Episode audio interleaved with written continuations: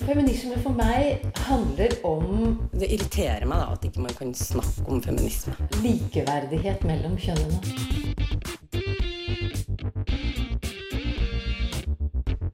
Det blikket på kvinnen på film. handlet det om å bli tatt på alvor som jente. Du hører på Et eget rom på Radio Nova. Feminismen går i bølger, sies det, og vi har allerede vært gjennom både første og andre og tredje. Men er det sånn at vi nå, liksom akkurat nå, står midt i en fjerde bølge?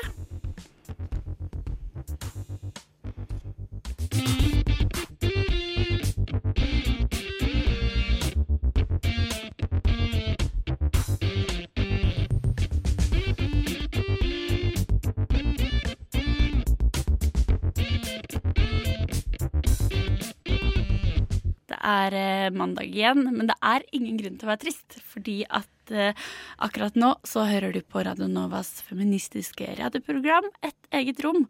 Og Eline Hystad og Linda Therese Rosenberg sammen med tekniker Helge Svensson står klare til å holde deg med selskap en hel time framover nå. Og hver uke så tar vi for oss et eh, nytt tema innenfor feminisme.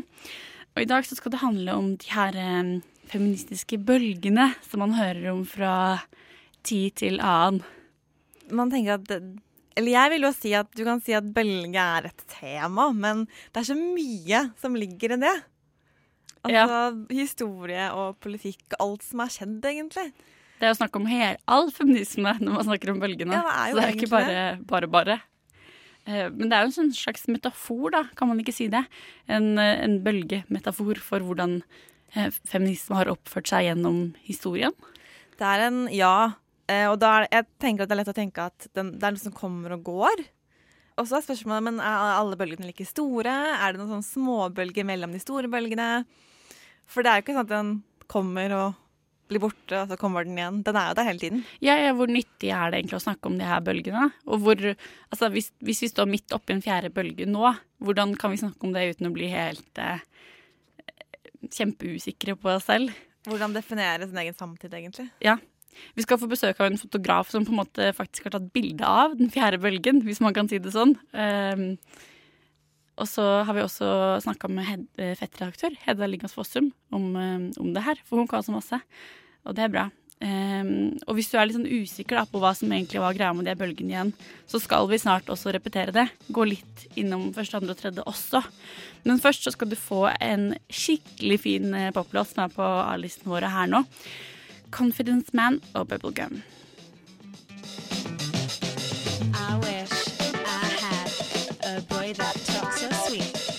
Confidence Man med låta Bubblegum hørte du her i et eget rom. Man må jo bare bli superglad av Ja. den sangen. Ja. Det er perfekt start på mandagen. Vi snakker om eh, feministiske bølger her, Linda og Line, i dag. Og egentlig spesielt den fjerde. Men jeg tenkte at sånn, før vi går rett på en fjerde bølge, så er det kanskje greit å ha en sånn liten, kort, rask repetisjon av disse foregående. Ja. Eh, For jeg syns i hvert fall det her er veldig vanskelig å huske. Men, men der starter man jo allerede på et problem. For når starter den første bølgen? Det er jo et Ja. veldig stort spørsmål. Eh, jeg har vel lest noen steder man snakker om 1880-årene, i hvert fall i Norge, men også andre steder. Men det skjedde jo ting til kvinners fordel allerede før det. Ja, ja. Altså 1860-årene, kjempeviktige årstall. ja men Wollstonecraft og sånne ting skjer på 1800-tallet også. Ja. Eh, som skriver viktige ting. Men man knytter vel den Altså- første bølgen særlig til den stemmerettighetskampen. Som er på begynnelsen av 1900-tallet. I Norge så startet den i 1880-årene. Ja. Og den gjorde nok eh, det andre steder også, men Mhm. det tar litt tid, selvfølgelig. Eh, når ikke engang alle menn har stemmerett, så kommer kvinner og skal ha stemmerett, så skjer det jo Det er litt vanskelig å få gjennomslag, kanskje. Og for liksom Kroneksempel på det her er vel disse suffragettene i eh, England. Mm. Og de sin kamp for stemmerett. Det er den mest kjente kampen, eh, men de er jo langt fra den, de eneste. Selv Mm. om de er de folk flest har hørt om. Kanskje særlig pga. den filmen som ble laget. Mm. Eh, men altså, det er jo ikke bare stemmerett som var første bølgen. fordi i 80 1880-årene så begynte jo Arbeiderpartiet å snakke om eh, bedre lønn og bedre arbeidsvilkår også for arbeiderkvinnene. Så det var, eh, det var litt mer Det var større enn bare at kvinner skulle ha stemmerett. Mm. Nå skjer vel også noe For nå kommer jo krigen imellom her også, og da virker det jo litt typisk at da er man ikke så opptatt av sånne her ting. Og der får man også naturligvis. Litt skiller, fordi Ja. Norge før jo eh, Der får Norge Norge gir kvinner stemmerett før krigen. Em, men, men selvfølgelig har krigen en innflytelse til Norge, fordi at den feministiske bølgen den slutter jo egentlig i 1913 i Norge. Det skjer jo nesten ingenting etter det uh, før man nærmer seg 70, eller i hvert fall 60-årene.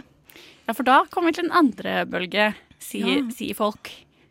70-tallet. 70-tallet starter kanskje på 70-tallet, men den store mobiliseringen skjer jo på 70-tallet. Men da er det liksom snakk om kvinnefrigjøring. Har jeg skjønt det er liksom en slags sånn mantra?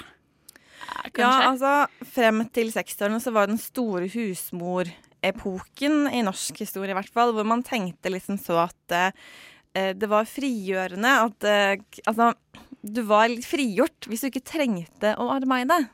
Og da var du husmor, for da slapp man det dobbeltarbeidet. Og så kommer da feministene på 70-tallet og sier hallo, det her er for dumt. Du er ikke frigjort hvis du er avhengig av mannen økonomisk. Og på en måte, i hvert fall alle som er min generasjon, sine besteforeldre er jo liksom Eller mormorer og mor, ja, farmorer er jo midt inne i den epoken her, tenker jeg. Ja. Men også med det her med seksuelle rettigheter og kropp og reproduktive rettigheter. Abort var jo kanskje den viktigste og største debatten i 70-årene. Og det man virkelig Det høydepunktet. Krona, rett og slett. Mm. En tredje bølge da, på 90-tallet. Det er ikke så lenge etter. Det er, det er litt ujevn rytme på de her bølgene. Ja, det Fra liksom Altså- 1900 til tenker jeg Når man snakker om en andre bølge på 90-tallet, så glemmer man alt det som skjer på 80-tallet. fordi at feminismen var jo ikke død. Det bare skjedde ikke så mye. Og det beste eksempelet er jo da Gro Harlem Brundtland eh, sin regjering i 1986, som skapte internasjonal oppmerksomhet fordi hun hadde 40% kvinner i sin regjering. Som var helt eh, ja, utopisk, egentlig, i 86 sett i verden. Mm. Slik at det var viktige ting som skjedde også. Men, men den store mobiliseringen, den skjedde kanskje først i 90-årene. Og da er det vel også litt sånn det her med flere identiteter inn, og queer og um, Man ser men den åpningen, på en måte. Ja, sånn som vi kanskje begynner å se nå også. Um, Og så er det da, da Nå blir jo likestilling familiepolitikk. Blant annet med fedrekvote 1993. Eh, som en veldig viktig politisk tiltak. og så er det noe med det her skjønnhetspress og mediekritikk også, som jeg tenker at naturligvis kommer her fordi medier ikke er noe særlig stort før her. Um, altså hva ser rundt oss, hva gjør landet, osv. Ja, det var en veldig rask gjennomgang Veldig rask av gjennomgang. bølger som sikkert alle bare føler at bølga raskt forbi her nå. Men vi skal fortsette å snakke om det her, og vi skal gå nærmere inn på den fjerde etter 90-tallet. Kanskje er det den fjerde bølge vi er i nå. Men først så skal vi høre litt musikk fra Ibibio Sound Machine, som i stor grad drives av Ino Williams, som er født i London, men har flytta tilbake til Nigeria. Og det høres ganske godt på musikken, tror jeg. Eh, og det er jeg glad for, for den er veldig funky og litt sånn 70-talls. Du kan bare kose deg her med låta 'Give Me A Reason'. feminist, a person who believes in the social, political, and economic equality of the sexes. Et Eget rom. Et eget rom. Eget rom. Et eget rom. Et eget rom.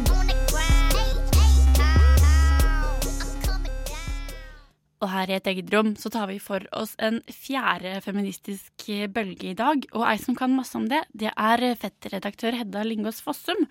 Og Synnøve Berg Meisingseth har tatt seg en prat med henne om både hvorvidt det er nyttig å snakke om feminismen i bølger, og om det finnes en ny og i alle fall populær bølge, og om kjendisers rolle midt oppi det her. Femte etasje.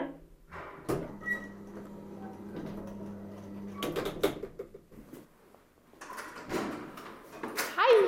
Synnøve. Hedda. Hyggelig.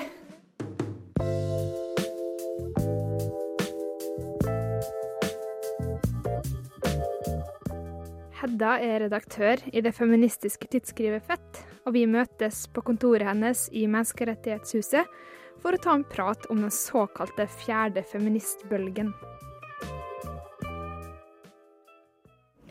Um, hvorfor deler man egentlig innen feminismens historie i såkalte bølger?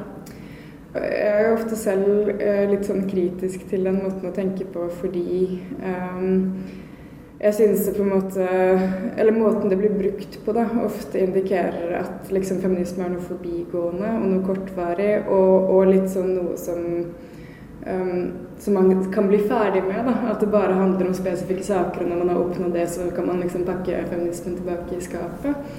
Mens øh, jeg tror det gir mye mer mening å se på feminismen som en mer sånn kontinuerlig øh, politisk prosjekt. Da. Altså Man behandler jo ikke andre f.eks. politiske idéretninger eh, på den samme måten. Man snakker ikke om en, ikke sant, en arbeiderpolitikkbølge eller sånne ting. Det er liksom bare Eh, feminisme og gjerne andre såkalte identitetspolitiske rettighetskamper da, som man ser på som noe som bare Det var noe som vi hadde et problem med en gang, og nå er vi snart ferdige, liksom. Eh, men samtidig så eh, Det har jo en litt sånn funksjonell betydning også at man snakker om første bølge som den første rettighetskampen, og andre bølge på 70-tallet og osv. Og, og det kan jo hjelpe for å skille mellom hvilke temaer som har vært i fokus og sånn, f.eks. Men samtidig så er det jo mange av de samme eh, kampene og spørsmålene som går igjen. Men Er det sånn at eh, mellom disse bølgene så har det på en måte vært dødt? Eh, det har jo gått opp og ned. Og feminismen har jo definitivt vært mindre populær eh, på mange tidspunkter enn det den er nå. Men så at eh, liksom interessen for, eh, for, feminisme går litt opp og ned i, bølger, det tror jeg man kan. Når jeg spør om det er sånn at vi faktisk er inne i den fjerde feministbølgen nå, så svarer Hedda at man uten tvil ser at feminismen er inne i en populær bølge. Hun trekker bl.a. fram internett som en av grunnene til det. For siden det har blitt så enkelt å dele informasjon og ikke minst erfaringer, kan man lettere se mønstre i samfunnet. Hun tror også at kjendiser kan ha noe med saken å gjøre. Så er det jo dette med at mange eh, kjendiser og sånn eh, ikke sant, kaller seg feminister og Beyoncé og liksom store kulturelle ikoner. Eh, og som selvfølgelig pirrer nysgjerrigheten, og, men også gjør det mer stuerent. Og når det gjelder tematikk, eh, så tror jeg fortsatt at det er noen av de eh, gamle i anførselstegn eh, sakene som engasjerer. Da. Ta Hemsedal-saken i fjor i Norge og det er jo noe som feminister har snakket om i flere tiår. At måten eh, voldtektsofre behandles på av rettsvesenet er, er, uverdig, og at rettsprosessene ikke eh, Altså at vi ikke klarer å, å garantere kvinners rettssikkerhet.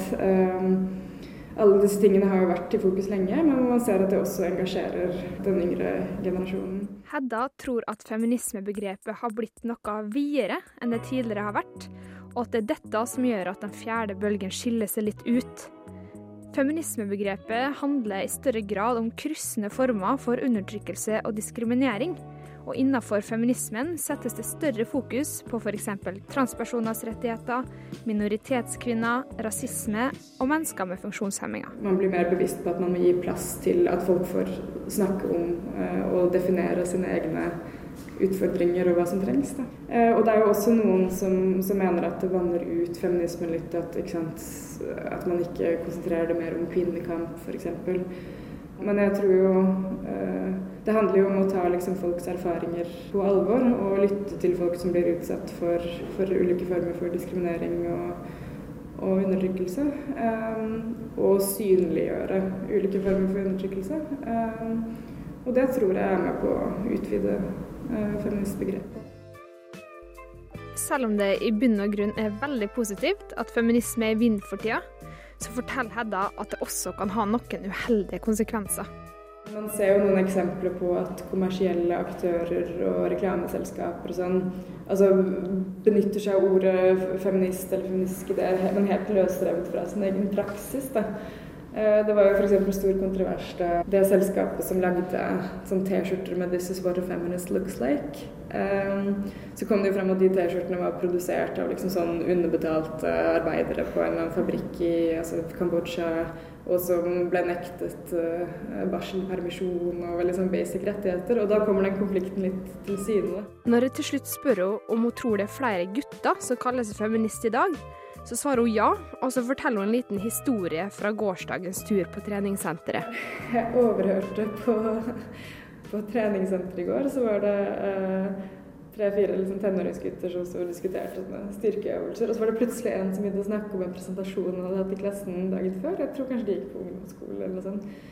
men hvor han hadde begynt med å spørre hvor mange som kalte seg feminister, hvor det ikke var så mange. Og så etter presentasjonen hvor han snakket om hva feminisme var, da, eh, så hadde alle rukket opp hånden og kalt seg da han spurte igjen.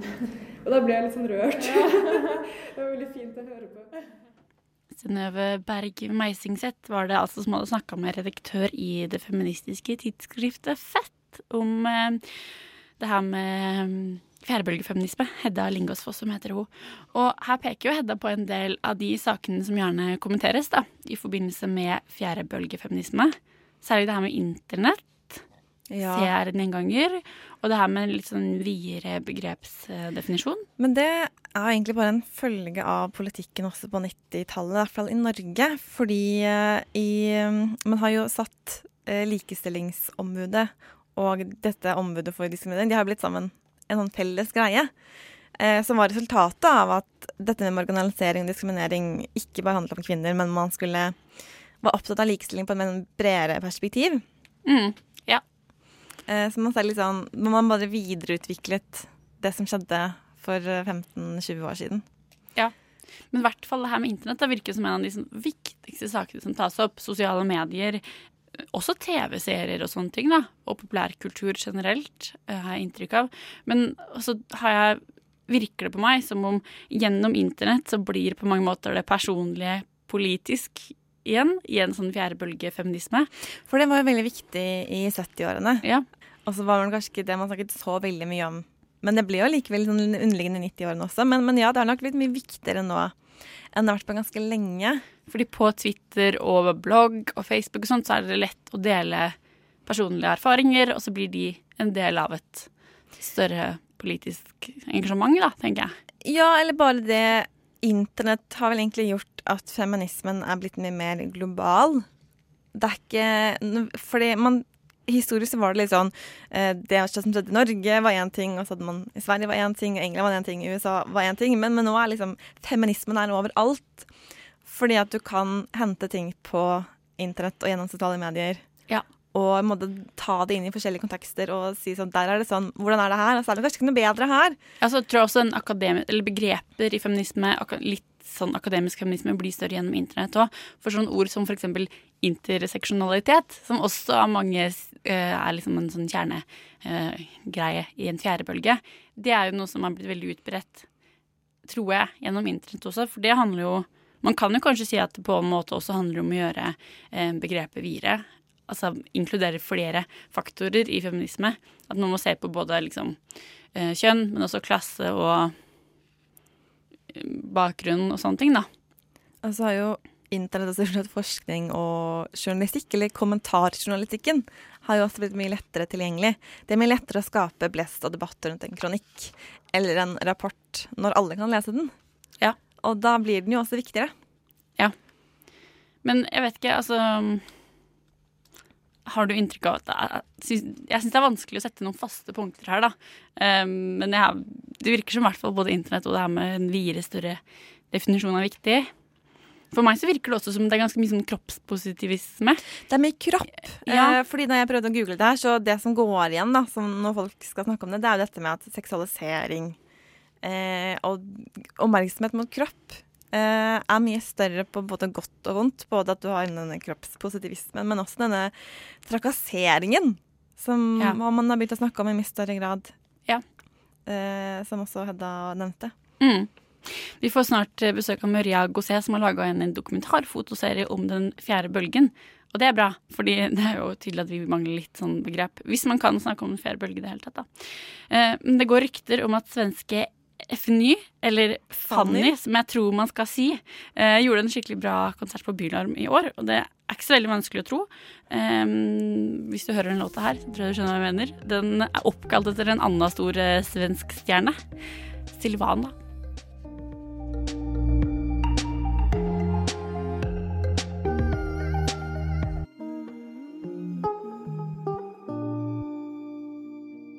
Musikk fra svenske Fanny, FNY.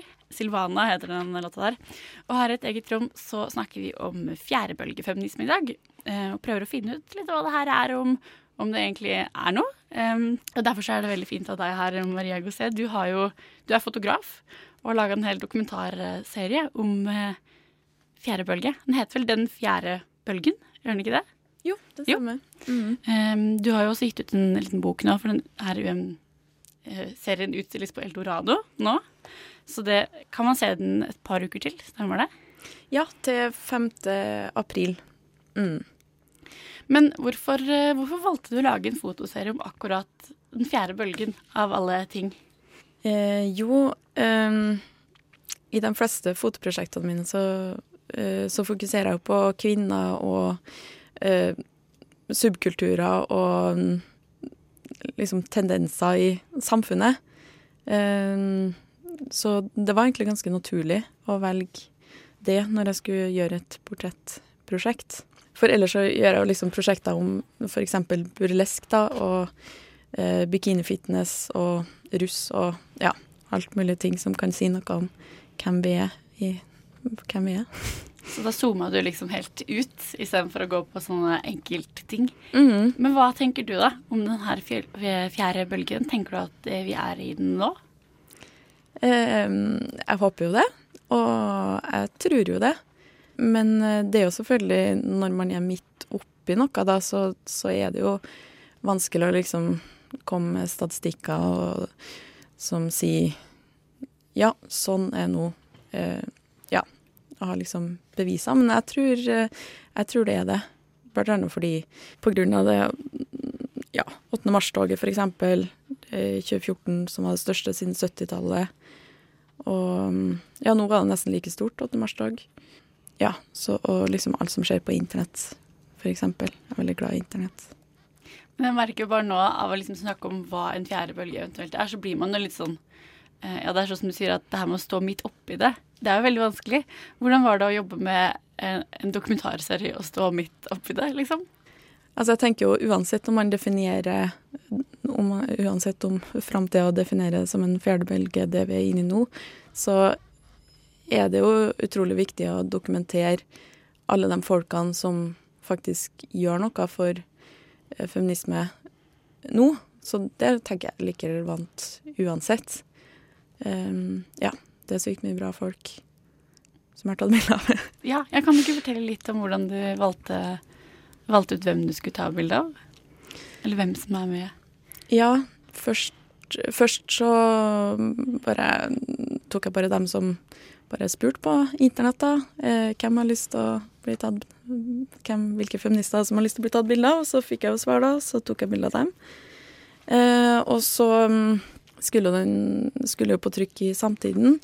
Og da eh, tenkte jeg ok, jeg må prøve å få litt mer variasjon, da. Litt mer mangfold og ja. Få med noen menn og få med muslimske feminister for å liksom utfordre hva folk Noen mener jo at hvis du går med hijab, så kan du ikke være feminist, f.eks. Så liksom mer mangfold. Og så fikk jeg støtte fra Fritt Ord eh, nå, den siste delen av prosjektet, og da har jeg fokusert mer på folk som har bidratt liksom i offentligheten, da. Med ja, enten med kronikker eller på Instagram eller ja. Bidratt i offentligheten, da. Mm, de ja. som er synlige. Ja. ja. Du skal være med oss eh, litt mer, Maria. Vi skal fortsette å snakke om eh, dokumentarserien din ganske snart. Etter Oslo-baserte Poster Boys sin nyeste singel, Best Friends. Poster Boys med Best Friend hørte du der, og vi har fortsatt besøk av deg, Maria Gosé. Jeg snakker om dokumentarserien din om den fjerde feministiske bølgen. Ikke helt Poster Boys vi snakker om, men også litt Poster Boys og noen eh, Poster Girls, hvis man kan si det sånn.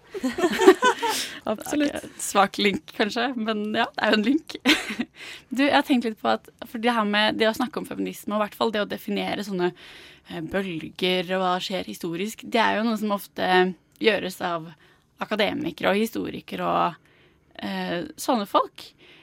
Og det er ikke så ofte at det gjøres av kunstnere, tenker jeg. Men du har jo liksom tatt bilde og dokumentert det gjennom foto. Hvordan, hvordan syns du det er å jobbe med en sånn eh, tematikk gjennom uh, bilder? Mm, ja, godt spørsmål. Alt kan jo jobbes med gjennom foto, da. Syns jo jeg, da. Men uh, det er jo noe med at man liksom får konkretisert ting, da. Altså mm, med tekst så, så, så skriver man jo eh, så er det mye abstrakt, og mm, ja, her får man jo sett de folkene som faktisk gjør noe, som faktisk eh, er med, hvis, hvis det gjør noe mening.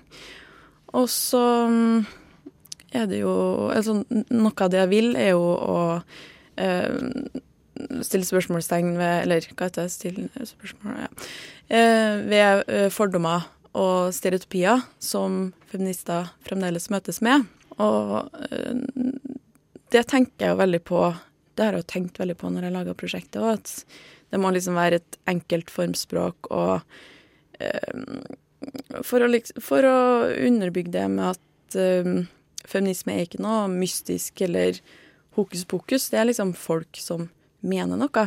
Og så når man har liksom et såpass rent formspråk, så øh, gir det rom for at individet og personligheten kan tre frem, da.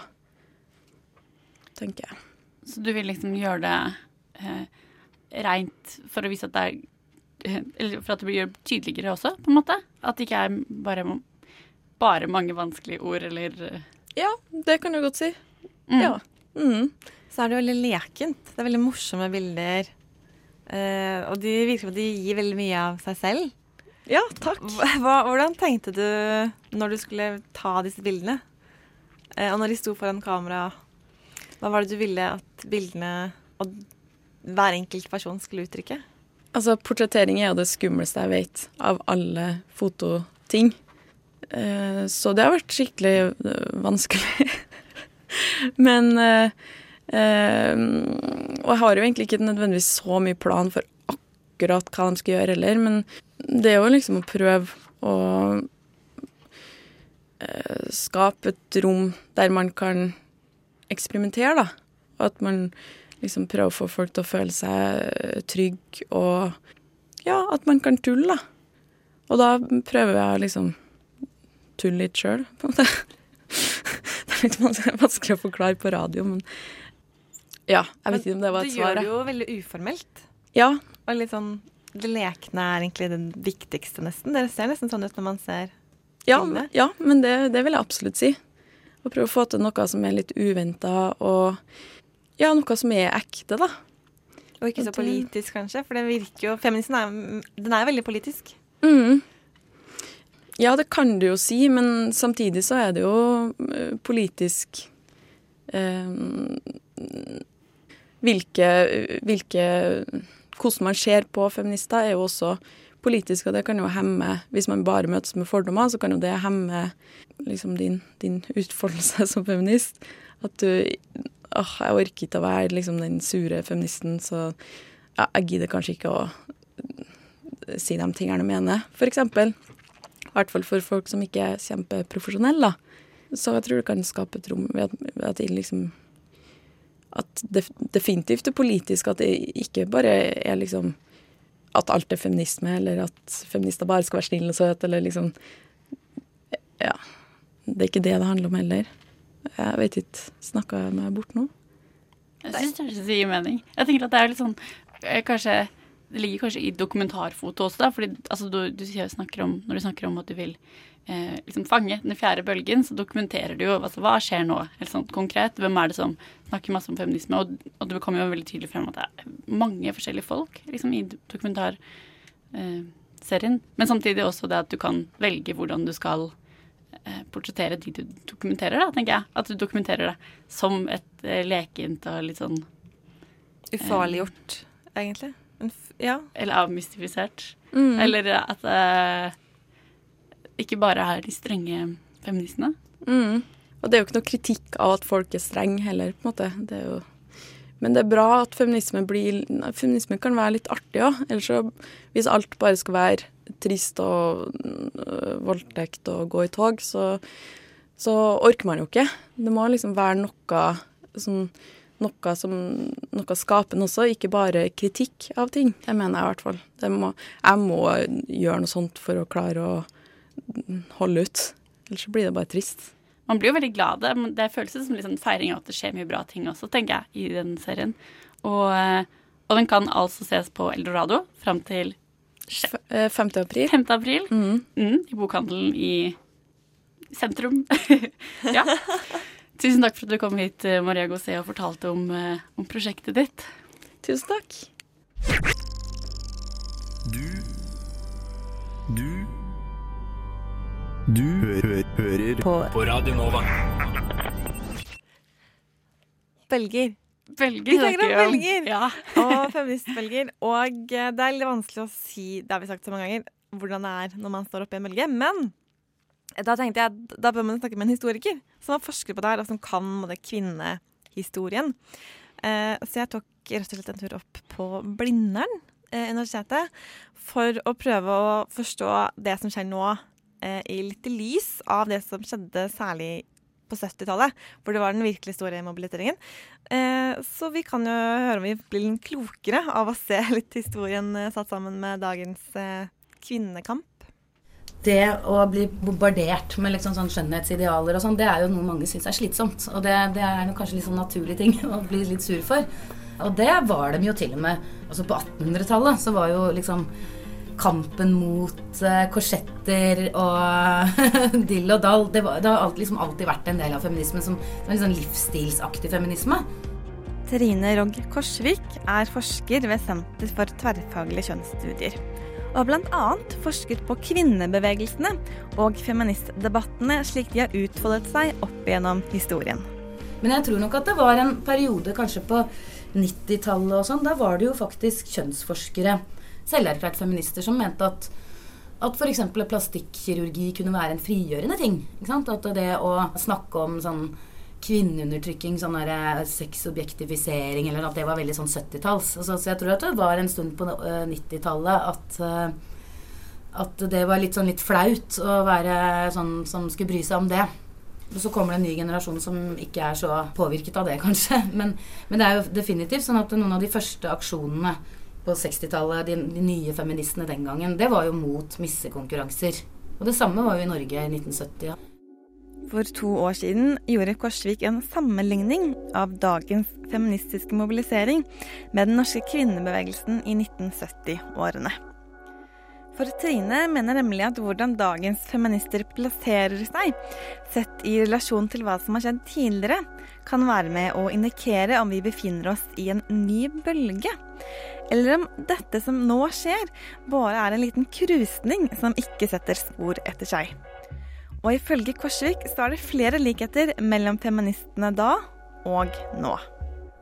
Jeg mener jo at det er veldig mye videreføring av de samme temaene. Det er uh, store likheter. Altså det handler jo om uh, altså den abortmobiliseringen man hadde for et par år siden, og dette med skjønnhetstyranniet, liksom kvinner i reklame. Det med voldtekt tror jeg faktisk er blitt mye større nå enn det var før. Altså Det var jo ikke sånn at man ikke snakka om det, men det er, det er blitt mye større med den Hemsedal-saken f.eks. At man er kanskje litt mer modig når det gjelder å snakke om det. Og det at f.eks. at hun sto fram med navn og seg selv og har fått priser og sånne ting, det, det ville jo ikke vært det, sånt, sånt hadde man det faktisk ikke på 70-tallet. Så det, det vil jeg si er nytt. En endring som særlig har skjedd de siste to årene, er et større samarbeid mellom etniske norske feminister og feminister blant minoritetskvinnene. I tillegg så peker Trine på at nye stemmer blant minoritetskvinnene har gjort deres feministiske kamp synligere enn før, ved at stadig flere unge kvinner deltar i den offentlige debatten. Før så var det jo litt mer sånn tendens til at det var Det ble litt sånn Å, de hvite feministene, enten så skal de redde oss, eller de ikke bryr seg om oss for de er redde for å bli stempla som rasister. Det, det, og dette er jo sånn som har skjedd nærmest nå i år, med den sekulær feministisk front, SEF, den nye organisasjonen som Shabana Rehman fronter. Kanskje det der med valget av Trump og sånt ga en litt sånn vekker. At man har liksom tenkt at nå må vi ha noen liksom felles saker. Mot sexisme, mot sosial kontroll, mot dårlige arbeidsforhold. At det er mot voldtekt. Altså Sånne ting kan forene på tvers av etnisk bakgrunn. En stor forskjell fra 1970-årene, det er de sosiale mediene. Korsvik påpeker at en stor del av den norske debatten er debatter som mer eller mindre er importert fra USA og satt inn i en norsk setting, til tross for ulike politiske virkeligheter mellom her og der. Hun mener også at det har vært en importering av en mer krigersk retorikk som har vært langt vanligere i statene.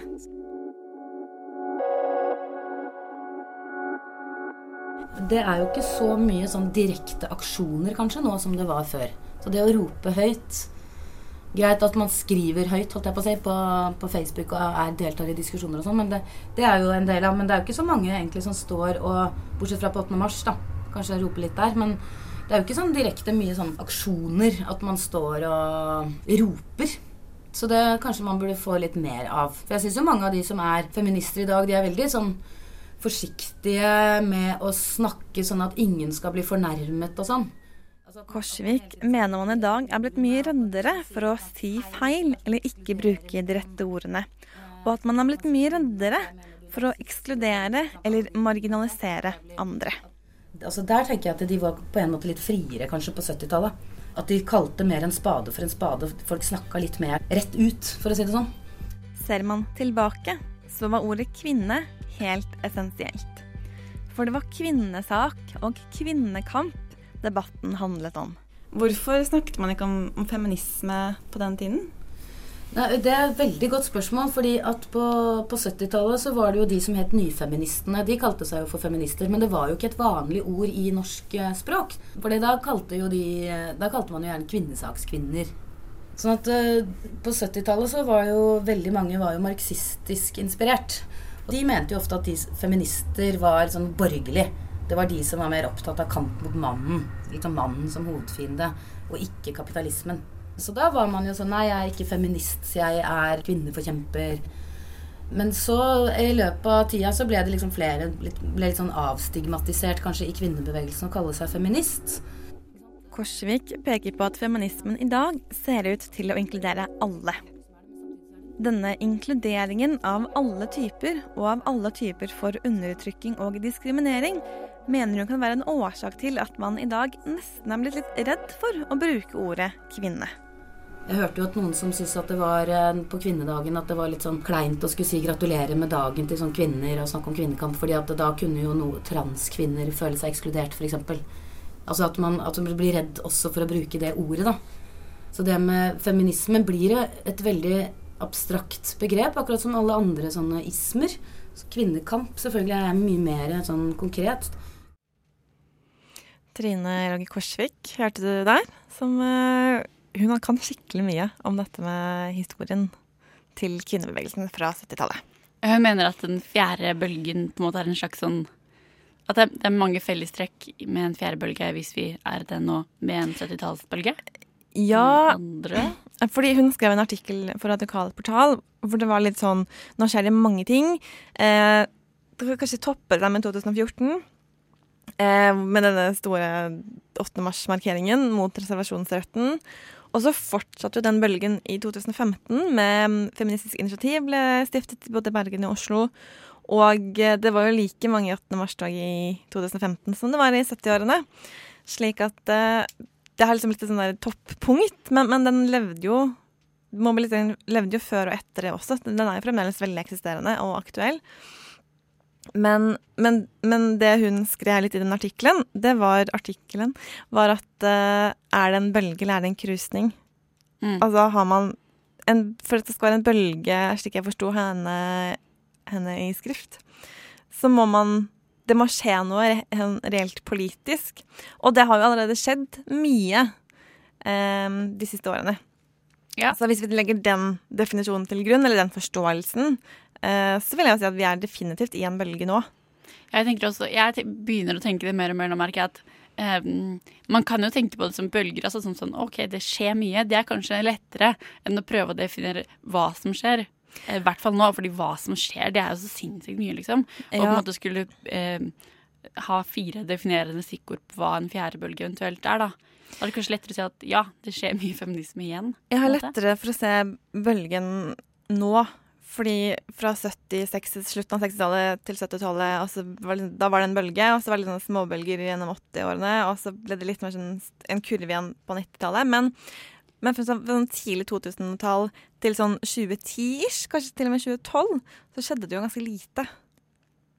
Det var om at ja. feminisme og likestilling var litt mer dødt Den eksisterte jo, og det var jo 8. mars-markeringer, og det var jo feministiske eh, enkeltpersoner og organisasjoner, men, men den store hypen, på en måte, den var jo ikke der. Så sånn sett så skjønner man kanskje lettere at nå er det en, en kurve. Ja. Det er også en del som mener at vi bare er i fortsettelse fra en eh, tredje bølge, liksom.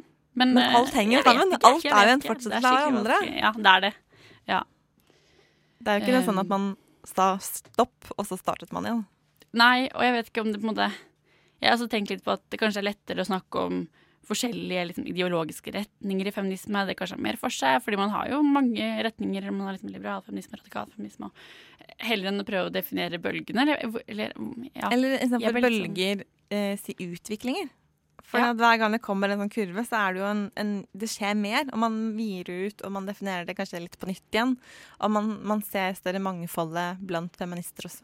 Ja. Ja, det, ja, det er kanskje litt sånn tilbake til Hedda sitt poeng her om at, at bølger får det liksom til å høres ut som det bare har vært fire ganger at feminisme har vært stort, men det har jo vært stort mange ganger. Ja. Ja. Jeg har altså handla om fjerdebølgefeminisme her i en time, og hvis du akkurat skrudde på radioen, så kan du eh, gå på iTunes og SoundCloud og høre det igjen hvis du vil. Eh, neste uke så skal vi snakke om litteratur. Det blir Mhm, gøy. det. Det kan jo vi litt om. Vi kan litt om det, i hvert fall. forskjell. Det er i hvert fall veldig hyggelig. Eh, tusen takk til Synnøve Berg Meisingseth, som har bidratt til sendinga, og til tekniker Helle Svensson, som alltid hjelper oss å være hyggelig. Eh, jeg heter Eline Hystad, og jeg har hatt med meg Linn Therese Rosenberg. Vi høres neste uke. Helt til slutt så får du litt soul musikk fra Charlotte Dos Santos, Red Clay. Overruled.